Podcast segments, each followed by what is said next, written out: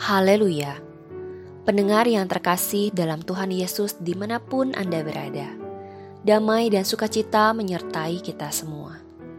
Renungan sauh bagi jiwa yang disajikan gereja Yesus sejati berjudul Mika. Dalam nama Tuhan Yesus membacakan renungan firman Tuhan. Tetapi Mika menjawab, Demi Tuhan yang hidup, sesungguhnya apa yang akan difirmankan Tuhan kepadaku, itulah yang akan kukatakan. Satu Raja-Raja pasal 22 ayat 14 Raja Ahab pernah mengajak besannya, Raja Yosafat, untuk bersama-sama memerangi negeri Aram. Yosafat adalah raja yang baik yang takut akan Allah. Dia meminta petunjuk firman Tuhan terlebih dahulu sebelum maju berperang. 400 nabi palsu Raja Ahab hanya ingin menyukakan hati Ahab. Sehingga mereka bernubuat palsu bahwa raja akan memperoleh kemenangan. Rupanya Yosafat mengendus gelagat tidak benar pada 400 nabi palsu itu.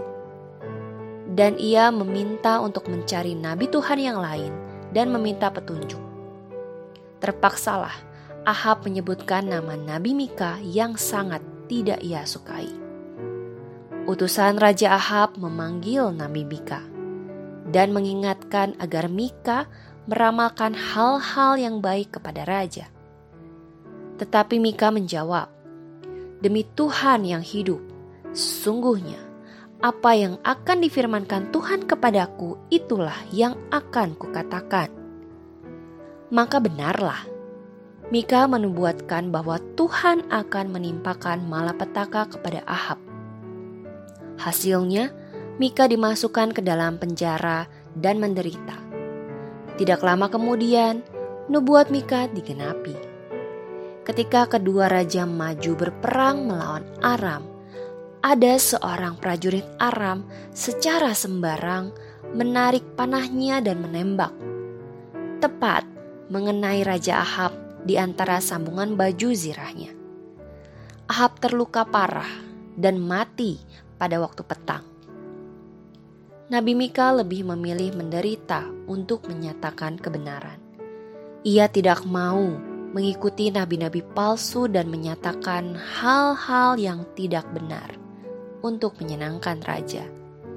Sikap ini patut mendapatkan acungan jempol Mika dengan setia menyatakan apa yang difirmankan Tuhan kepadanya. Sikap dan keberanian Mika patut menjadi teladan bagi umat Kristen di zaman sekarang ini. Hari ini, sangat sedikit orang yang berani bersikap mengikuti hati nurani dan keberanian seperti Mika. Ada lebih banyak orang memilih mengatakan kepalsuan demi menyelamatkan diri karena itulah, sekarang ini semakin jarang kita menemui keadilan di dunia. Bahkan, ada umat Kristen yang membenarkan diri dengan memakai alasan bahwa Tuhan tahu segala-galanya, menjadikannya sebagai tameng di waktu keadaan sulit, sehingga tidak perlu lagi mengatakan atau melakukan sesuatu.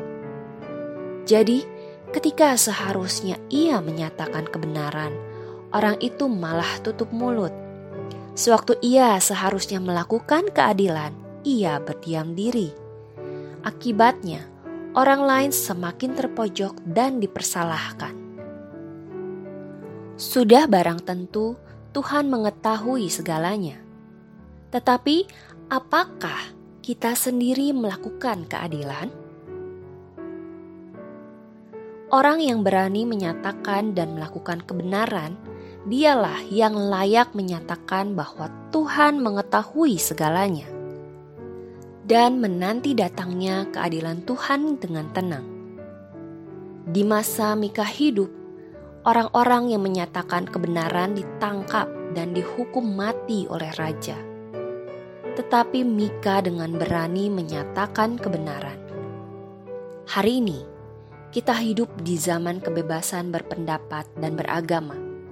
Tentulah sangat bersalah kepada Tuhan apabila kita tidak berani menyatakan kebenaran. Kiranya Tuhan memberikan kita roh yang menggerakkan Mika di akhir zaman yang meremehkan keadilan ini. Agar kita dapat menjadi orang yang berani berkata, Sesungguhnya apa yang akan difirmankan Tuhan kepadaku, itulah yang akan kukatakan. Tuhan Yesus menyertai kita semua. Amin.